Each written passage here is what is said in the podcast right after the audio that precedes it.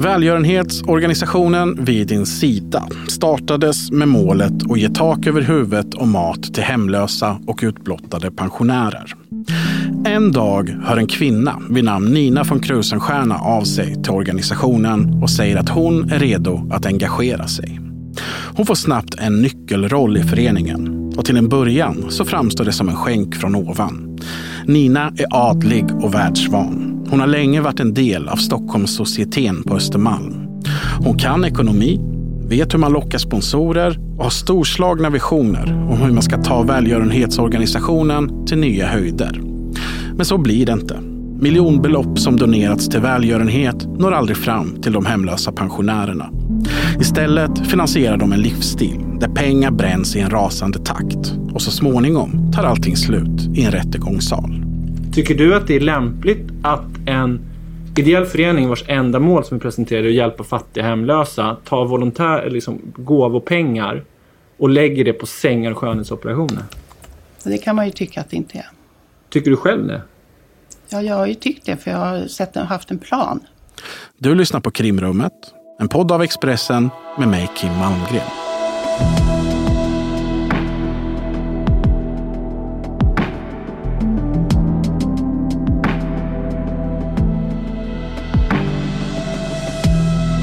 I den här podden tar vi vanligtvis upp fall som rör väldigt grov brottslighet. Det har varit våldsvågen, det har varit brutala mord.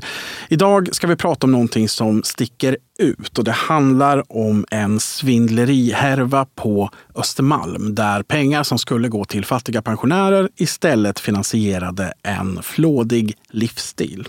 Välkommen tillbaka till krimrummet, Katrin Krantz. Tack så mycket. Du är min kollega här på Expressen.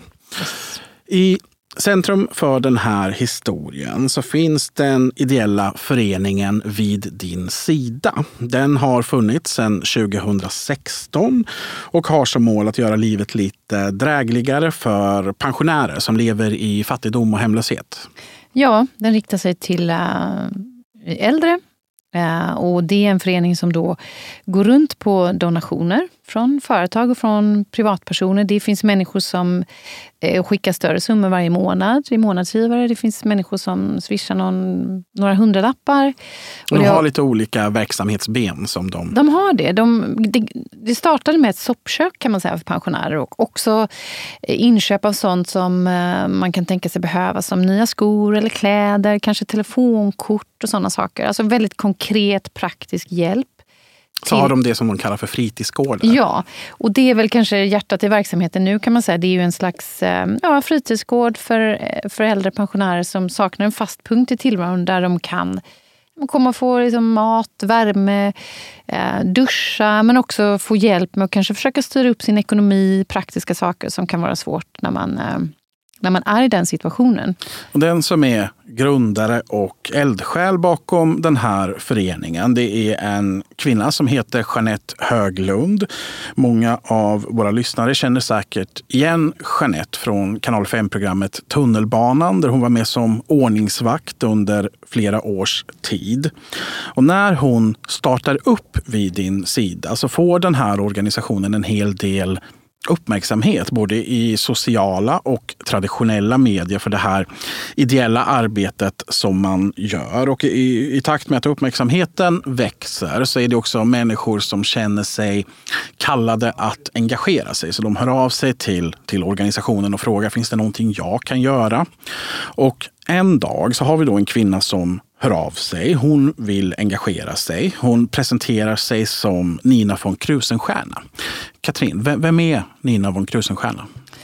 Ja, hon, eh, hon berättar själv i förhör att hon sitter på ett hotellrum i New York och um, får syn på det här i sitt Facebookflöde och liksom skickar ett meddelande till Jeanette helt enkelt. Och Nina von Krusenstjerna är ju en person som är ehm, uppvuxen eh, på Östermalm i Stockholm.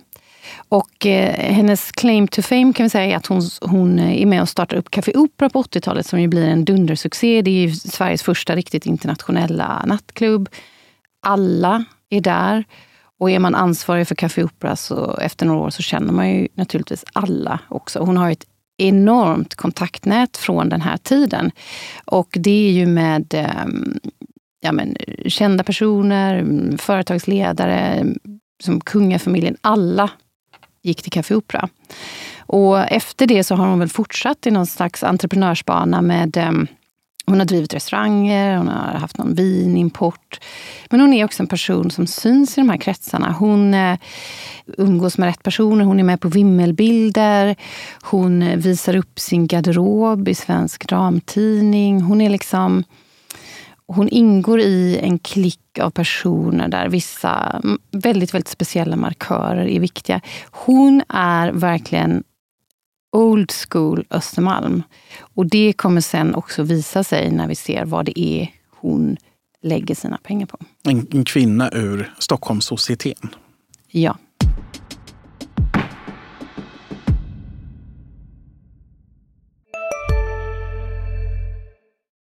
Nu på Storytel. Första delen i en ny spänningsserie. En liten flicka hittas ensam i en lägenhet. Hennes mamma är spårlöst försvunnen Flickans pappa misstänks för brottet men släpps fri trots att allt tyder på att han är skyldig. Olivia Oldenheim på åklagarkammaren vägrar acceptera det och kommer farligt nära gränsen för vad hon i lagens namn tillåts göra. Lyssna på När allt är över av Charlotte Al-Khalili på Storytel. Och att en person som Nina von Krusenstjerna vill engagera sig i vid din sida. Detta framstår till en början som en skänk från ovanför grundaren Jeanette. Vi kan lyssna på när Jeanette själv pratar om det här och ljudet är hämtat från förhöret i den rättegång som senare hölls. Hon blev mer och mer involverad i organisationen och eh, jag såg upp till henne jättemycket. Nina är väldigt duktig på det hon gör och jag såg att hon har jobbat med stiftelser och organisationer så jag känner mig trygg med det. Och det är alltid skönt att ha någon som har jobbat med det här innan för jag är ju som en kalv på grönbete. Det enda jag visste var att jag skulle hjälpa våra äldre att få kläder och lite mat och kanske husrum. Och där har vi en kunnig kvinna som vet vad hon pratar om och berättade mycket tydligt att liksom, ja, hur man ska gå tillväga med sponsorer och sådär. Och jag var jätteglad. Så det slutade med att Nina blev involverad och kom med i styrelsen. När Nina von Krusenstjerna väl kliver in i organisationen så gör hon det ordentligt. Det är inte så att hon spelar någon passiv roll i periferin utan hon går in och blir ordförande. Och när man lyssnar på Jeanette så är det väldigt tydligt att hon inte bara har fullt förtroende för Nina utan hon man kan säga att hon idoliserar henne. Hon ser henne som en trygghet. Vi lyssnar vidare. Ja, alltså hon var ju väldigt kunnig och hade mycket att säga till om och väldigt mycket, hon har mycket pondus liksom. Hon visste hur man skulle gå tillväga. Hon, alltså jag såg upp till henne, hon blev som en mentor för mig, Nina. Hon eh, var någon jag kunde luta mig mot och var väldigt liksom, hon berättade väldigt mycket saker och hon var adlig och hon ägde fastigheter och startade upp Café Opera där jag jobbade som dörrvakt och hon var väldigt sådär, eh, hon ägde fastigheten hon bodde i och restaurangen och ambassaden hyrd av henne. Jag var väldigt imponerad av henne för jag tänkte att här har vi en kvinna som både har pondus och som vet hur man får in sponsorer i mitt viktiga arbete för de äldre. Och jag kände en sån enorm trygghet. Jag såg nästan henne som en mammagestalt. Min mamma hade gått bort precis då så jag var väldigt känslig och hon var väldigt trygg. Så Nina hon var en, eh, en liksom, hon, hon var en trygghet för mig, en mentor kan man säga. I detta så ingår att Nina von Krusenstjerna tar kontroll över organisationens ekonomi. Eh, Jeanette berättar att hon närmast ser det här som en lättnad. Hon tycker det är skönt att någon som har erfarenhet av stiftelser, någon som verkligen kan ekonomi tar över de här bitarna. Men efter det här skiftet så börjar Jeanette reagera på att vissa omständigheter framstår som märkliga.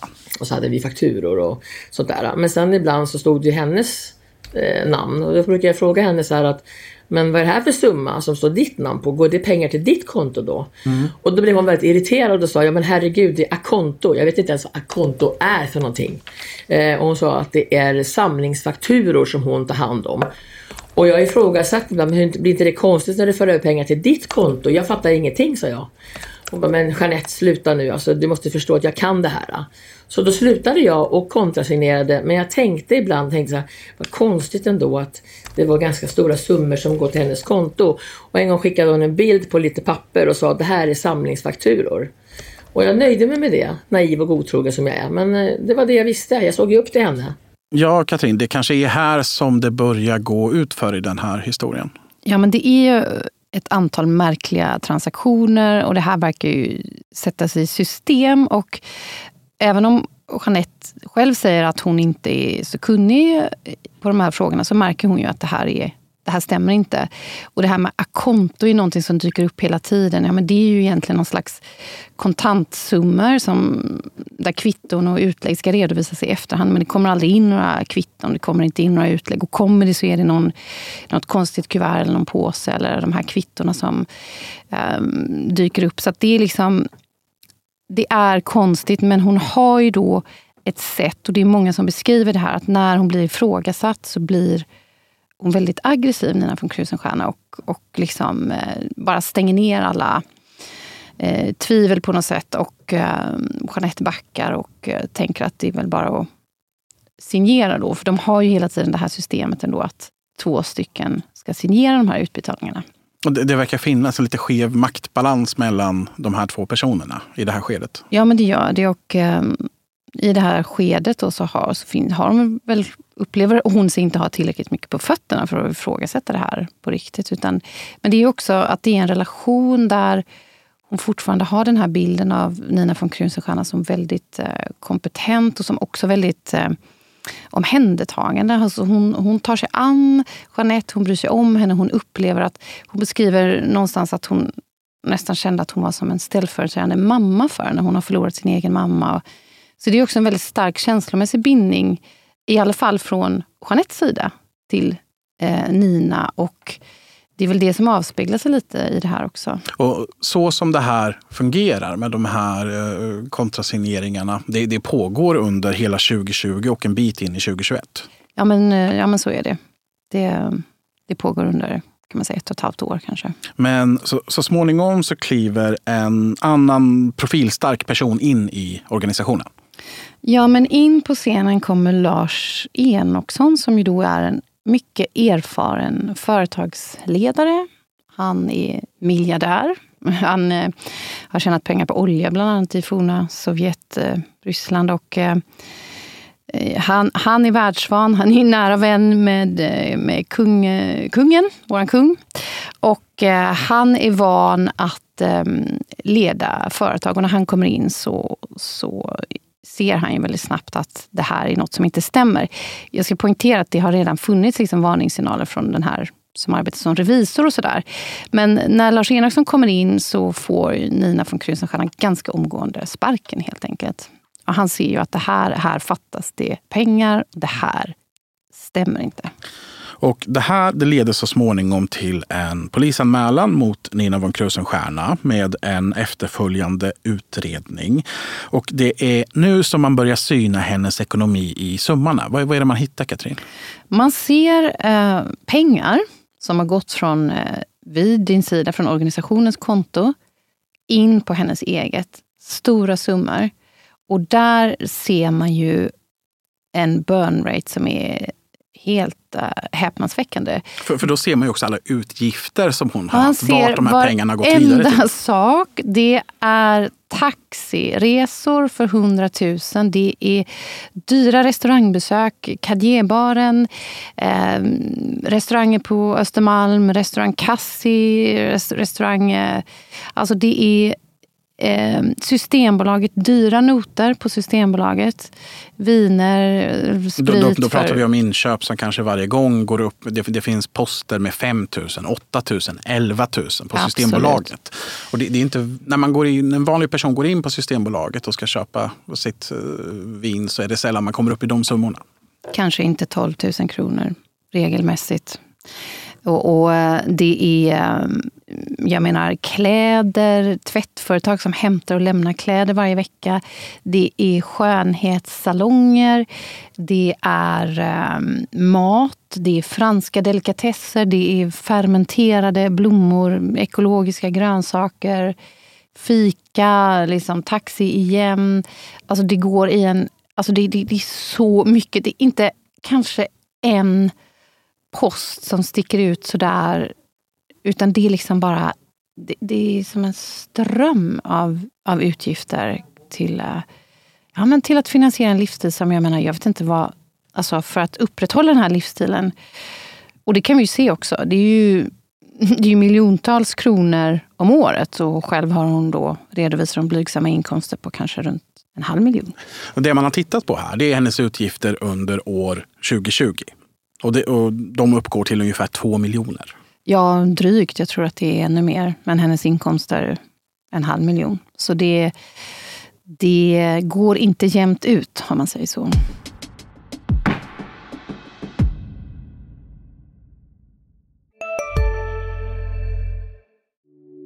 Hej, Ulf Kristersson här. På många sätt är det en mörk tid vi lever i. Men nu tar vi ett stort steg för att göra Sverige till en tryggare och säkrare plats. Sverige är nu medlem i Nato. En för alla, alla för en. Vi är specialister på det vi gör, precis som du. Därför försäkrar vi på Swedea bara småföretag, som ditt. För oss är små företag alltid större än stora och vår företagsförsäkring anpassar sig helt efter firmans förutsättningar. Gå in på swedea.se företag och jämför själv. Här kan man också se, det är ju det är ju en viss typ av ställen som frekventeras hela tiden. Det är Hotell Diplomat, det är Cadierbaren, det är restaurang Cassi, det är Östermalm och så är det lite fik och sen är det uh, ja, lite resor. Men liksom det, det är bara ett ständigt flöde av de här utgifterna. Sen kan man också se att hon själv ger pengar till välgörenhet. Som till exempel dyker det plötsligt upp en eh, inbetalning till något som heter 1,6 miljonersklubben som är en välgörenhet som riktar sig till kvinnor. Där, de har fått 15 000 av Nina von Krusenstjerna. Pengar som har gått från, ja, vid din sida. Från en välgörenhet till, en, till en annan. Absolut. Och när det här polisanmäls och det börjar utredas. Det Naturligtvis så vill man höra vad hon själv har att säga om detta och man håller ju förhör med henne. Men då nekar hon till, till all typ av brottslighet. Ja, det gör hon. Hon säger att det finns eh, förklaringar till detta. Det är fullt legitima utgifter inom ramen för det som de har kommit överens om. Hon och Jeanette och mm, föreningens verksamhet och så. Men även under polisutredningens gång så säger hon att hon ska komma med kvitton och redovisa. Eh, men det händer liksom aldrig. Det kommer inte. Och mm, det gör att den här utredningen tar ganska lång tid. Men i slutändan så har hon väl egentligen inte kunnat visa att de här pengarna har gått till liksom, legitima saker. Men eh, hon, hon nekar till brott, absolut. Och hon, hon säger att uh, hon har gjort det som de har kommit överens om. Det när, som de har planerat gemensamt och sådär. När den här utredningen är klar, då väcker åklagare åtal. Eh, Nina von Krusenstjerna hon åtalas då för grovt fall av trolöshet mot huvudman. Och man, när man specificerar den brottsligheten så är det under ett års tid, alltså 2020, som hon har förskingrat 1,6 miljoner kronor enligt åklagaren. Och den här rättegången den hölls för några veckor sedan i Stockholms tingsrätt. Och när den inleds då får man lämna sin inställning till, till åtalet. Och då hade hon bytt inställning. Ja, när, när rättegången inleds så kan man säga att hon plötsligt går från att förneka till att erkänna brott. Eh, men sen när rättegången fortsätter så är det som att hon ändå tar tillbaka det. Och jag pratade med eh, kammaråklagare Olof Vrethammar här. Då. Han, han sa till mig så här att ja, jag får nog ändå säga att i slutändan uppfattar jag att hon nekar till brott helt enkelt. Och det är väl där vi landar. Men det är lite rörigt. Det, det är väldigt rörigt får man säga hur hon faktiskt själv ser på det här. Jag tänker vi kan lyssna lite på hur det lät när Nina von Krusenstjerna frågades ut av åklagare Olof Wrethammar i rättegången. Du, det har ju skett omfattande överföringar från SCB till dig. Om vi börjar med den delen då. Vad, vad är det? Varför gjorde du överföringar från det kontot till ditt privatkonto? För att Jeanette och jag hade storslagna idéer om hur vi skulle utveckla verksamheten. Ja, och hur, hur kopplar de eh, storslagen idéerna an till att du får över pengar till dig själv? Ja, det var ju det, jag ska säga så här, det har jag ju fått förstått att det är ju mitt, så att säga, stora misstag att föra över pengar till mitt privata konto. Hade jag varit lite mer eh, så hade vi gjort ett annat konto. Som, som vi hade då, och från det kontot fört över pengar, inte till mig, privat. Va, va, vad var det för, eh, varför förde du över pengarna? Vad var det för någonting? Vad var det, som, vad var det för händelse som föranledde de här överföringarna? Om det nu går att säga, eller för händelser blir det, för det är många överföringar. Men vad, vad var det liksom, går det att säga något generellt? Vad hade hänt i, från, på din sida som gjorde att du skulle ha pengar på ditt konto? Vi hade, vi hade ju till exempel Jeanette hade sitt där stora trassliga banklånet. Jeanette hade mm, på American Express, hon hade mycket sådana här krediter. Som hon, till, jag bara tar ett exempel här nu. Som hon mådde mycket dåligt av. Och min inställning var ju också att om, om den här föreningen, om det ska liksom pumpa på och man ska kunna gå uppåt så är det viktigt att grundaren och ansiktet utåt har en, mår bra och har en trygg, eh, är trygg i sitt inre. Så kan man förklara det lite enkelt. Och det, det var väl mycket av syftet. När Nina ska förklara varför hon har fört över alla pengar till sitt eget konto så återkommer hon hela tiden till Jeanette. Hon har gjort detta för Jeanettes skull och det har varit för föreningens bästa. Här kan det också vara viktigt att påpeka att Jeanette inte är misstänkt för brott här, utan det är åklagarens bild att det är Nina von Krusenstjerna som har styrt detta. Vi lyssnar vidare. Jag frågar vad hon, föreningen har fått för pengarna. Vad är det för någonting? Eh, Föreningen har ju till exempel, jag har hjälpt Jeanette. Eh, Så att hon ska må bra, så att hon ska vara en bra förgrundsfigur för föreningen. Det här är en del som föreningen har fått för de här pengarna. Så att du tar pengar som finansierar någonting som Jeanette gör, leder till att Jeanette mår bra och på ett bättre sätt kan verka för föreningens man- räkning. ja. Är det så man ska förstå Det kan man absolut säga. Absolut. Och vad är det för typ av liksom, saker Jeanette har fått som gör att hon mår, som kommer föreningen till gagn menar du? Nej, Jag nämnde kanske någon skönhetsoperation. eh, Man kan tycka vad man vill om det, men, men det var viktigt för hennes mående. Mm. Ja, det är ett Jag tar exempel. ett exempel Ja, nu. men det är, vi vi har 1,3 miljoner. Det är bra om du kan exemplifiera något mer. För jag tror även om det är dyrt med skönhetsoperationer så är det inte så dyrt. Nej. Ehm, en säng som Jeanette behövde för att hon sov så illa. Ehm, jag må- jag måste tänka lite grann. Det var ju ett tag sedan det här. Så att det, men det här är några exempel. Det här med att pengar från organisationen har gått till personliga utgifter för Jeanette, alltså en, en säng, någon skönhetsoperation och annat. Det stämmer, men det här är alltså pengar som har gått från organisationen in på Nina von Krusenstjernas konto och sen vidare till Jeanette. Och när Jeanette förhörs om detta i rättegången så menar hon att hon hela tiden har haft intrycket att det är Nina som har betalat för de här sakerna ur egen ficka. Att det här har varit gåvor från Nina till Jeanette som hon då har intrycket av är väldigt förmögen. Och vi, vi lyssnar vidare på detta. Och jag, jag, var, jag var hemma hos Nina och bjöd hem mig på middag någon gång och jag sa det bor så fint. Jag var imponerad av Nina liksom. Hon bara nej men det är inget speciellt. Hon var lite så här, nej men eh, hon var, men det här är ingenting liksom. Hon visste att hon hade, hon hade mycket pengar. Jag bara vad häftigt. Jag var imponerad av Nina liksom. Och sen så, eh, så såg jag upp till henne och jag sa det wow vad kul att det går så bra liksom. Och jag kände mig bara allmänt så här impad till henne. Att hon var så duktig liksom på att sköta allting. Var skulle Ninas pengar komma ifrån? Från hennes pengar. Hon hade ju massa pengar. Ja, men, och vad hade de? Så här, deras Jag vet inte var hennes pengar kommer ifrån men hon har alltid haft pengar har hon sagt. Hon är ju, äger ju fastigheter och... Det är liksom uppgifter du har fått? Ja, från ja, från henne. Ja, hon har berättat det. Att hon äger fastigheter och att hon äger landställen och startat upp massa företag. Och så att jag, hon visste att hon var rik. Hon var, hon var väldigt tydlig med att hon var rik. Sammantaget så blir det vanskligt för Nina von Krusenstjerna att förklara för åklagaren och rätten vad alla de här pengarna som har gått från föreningen till hennes konto har tagit vägen. Framförallt eftersom om man granskar hennes utgifter så verkar pengarna framförallt ha gått till ett väldigt dyrt leverne. Vi lyssnar vidare. Har du fått någonting så att du också ska må bra? Nej, det har jag ju inte. Inget av de här 1,3 miljonerna har kommit dig till gagn? Inte på det, nej. När man tittar på kontoutdraget så är det ju idel privata utgifter i princip. Vilket kontoutdrag? Ditt kontoutdrag från Handelsbanken över 2020. Över 4 500 transaktioner.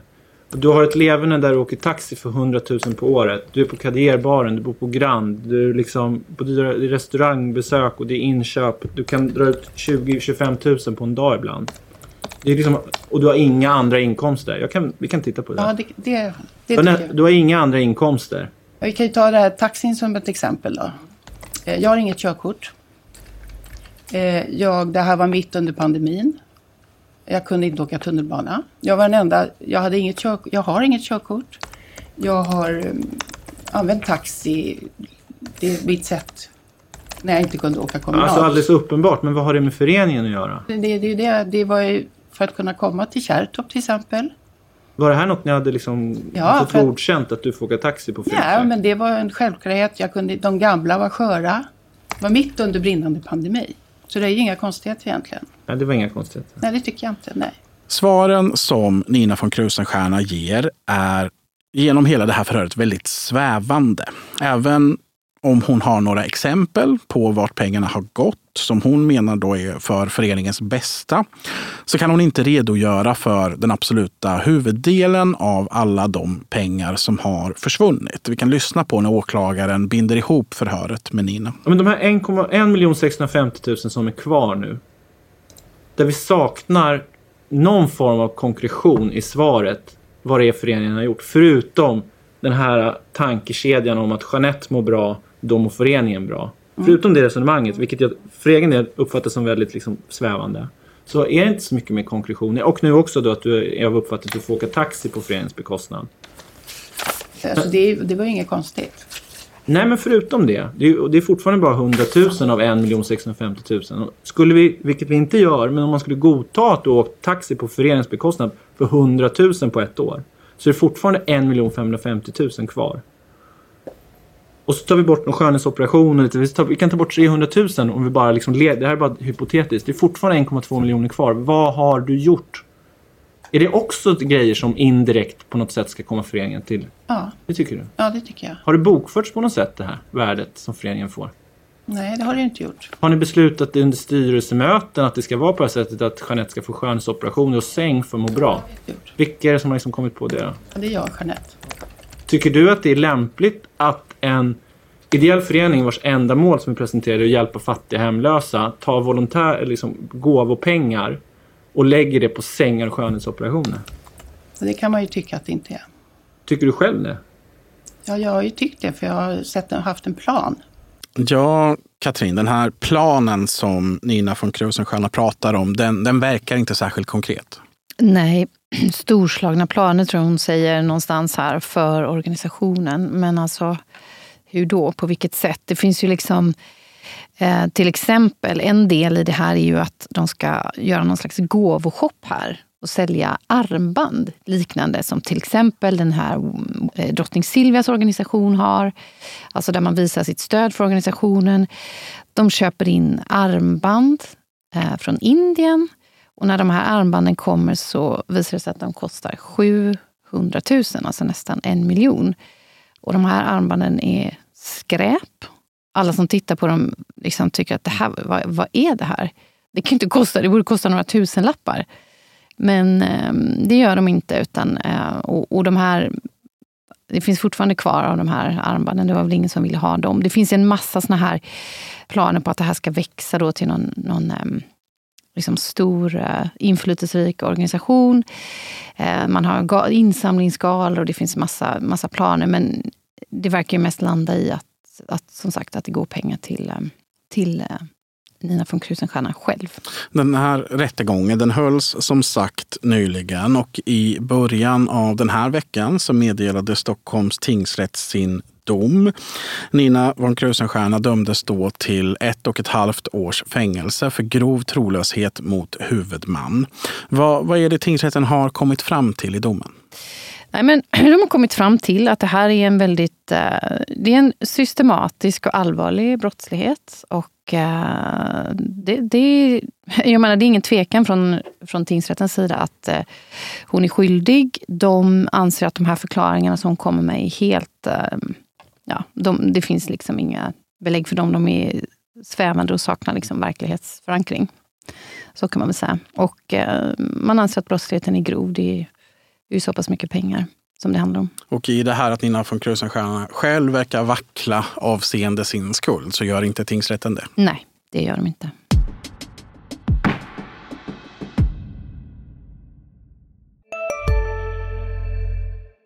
Hej, Synoptik här. Hos oss får du hjälp med att ta hand om din ögonhälsa. Med vår synundersökning kan vi upptäcka både synförändringar och tecken på vanliga ögonsjukdomar. Tid på synoptik.se. Välkommen till Maccafé på utvalda McDonalds restauranger med Baristakaffe till rimligt pris. Vad sägs om en latte eller cappuccino för bara 35 kronor? Alltid gjorda av våra utbildade baristor. Och he hela den här historien har ju en väldigt mörk underton. Det här är pengar som skulle gå till fattigpensionärer som istället brändes på flådiga krogar på Östermalm. Ja, det, det är ju pengar som har kommit in i den här organisationen från privatpersoner som har engagerat sig. En, en kvinna donerade en miljon kronor. Det är ju väldigt mycket pengar som hon ansåg då skulle gå till eh, till de här mest behövande personerna. Och eh, istället så har det snurrats runt i någon slags virvel av krogar, tvätt, skönhetsoperationer, alkohol. Alltså det, det är fruktansvärt. Vi kan också säga att det här händer 2020. Och eh, organisationen vid din sida, den finns kvar idag och den eh, fortsätter sitt arbete för fattigpensionärer. Och även om det fanns den här typen av förskingring då så är det ingenting som talar för att det finns nu. Nej, absolut inte. Jag menar, nu har ju till den här Lars Enoksson då, är ju ordförande i föreningen och eh, föreningen har ju lidit stor ekonomisk skada av det här men eh, de arbetar på med sin verksamhet och sitt engagemang för de här pensionärerna. Nina von Krusenstjerna hon dömdes i, i tingsrätten här häromdagen. Domen har inte vunnit laga kraft. Har du fått någon indikation på om det finns ett överklagande att vänta här? Om man säger så här, från sidan så blev det ju precis det som åklagaren yrkade på. Så där finns ju ingen anledning att överklaga, absolut inte. Eh, när det gäller Nina von Krusenstjerna så vill hennes advokat inte prata med oss helt enkelt. Så jag kan inte svara på det än så länge. Vi får väl se. De har fram till slutet av oktober på sig att överklaga. Vi får se vad som händer framöver. Vi sätter punkt för veckans avsnitt av Krimrummet. Tack så mycket för att du ville vara med, Katrin Krantz. Tack, tack. Om du som lyssnar har frågor, nyhetstips, synpunkter så är du som alltid välkommen att höra av dig till mig på kim.malmgren.expressen.se. Ett nytt avsnitt av Krimrummet kommer nästa vecka. Lyssna då. Du har lyssnat på en podcast från Expressen. Ansvarig utgivare Klas Granström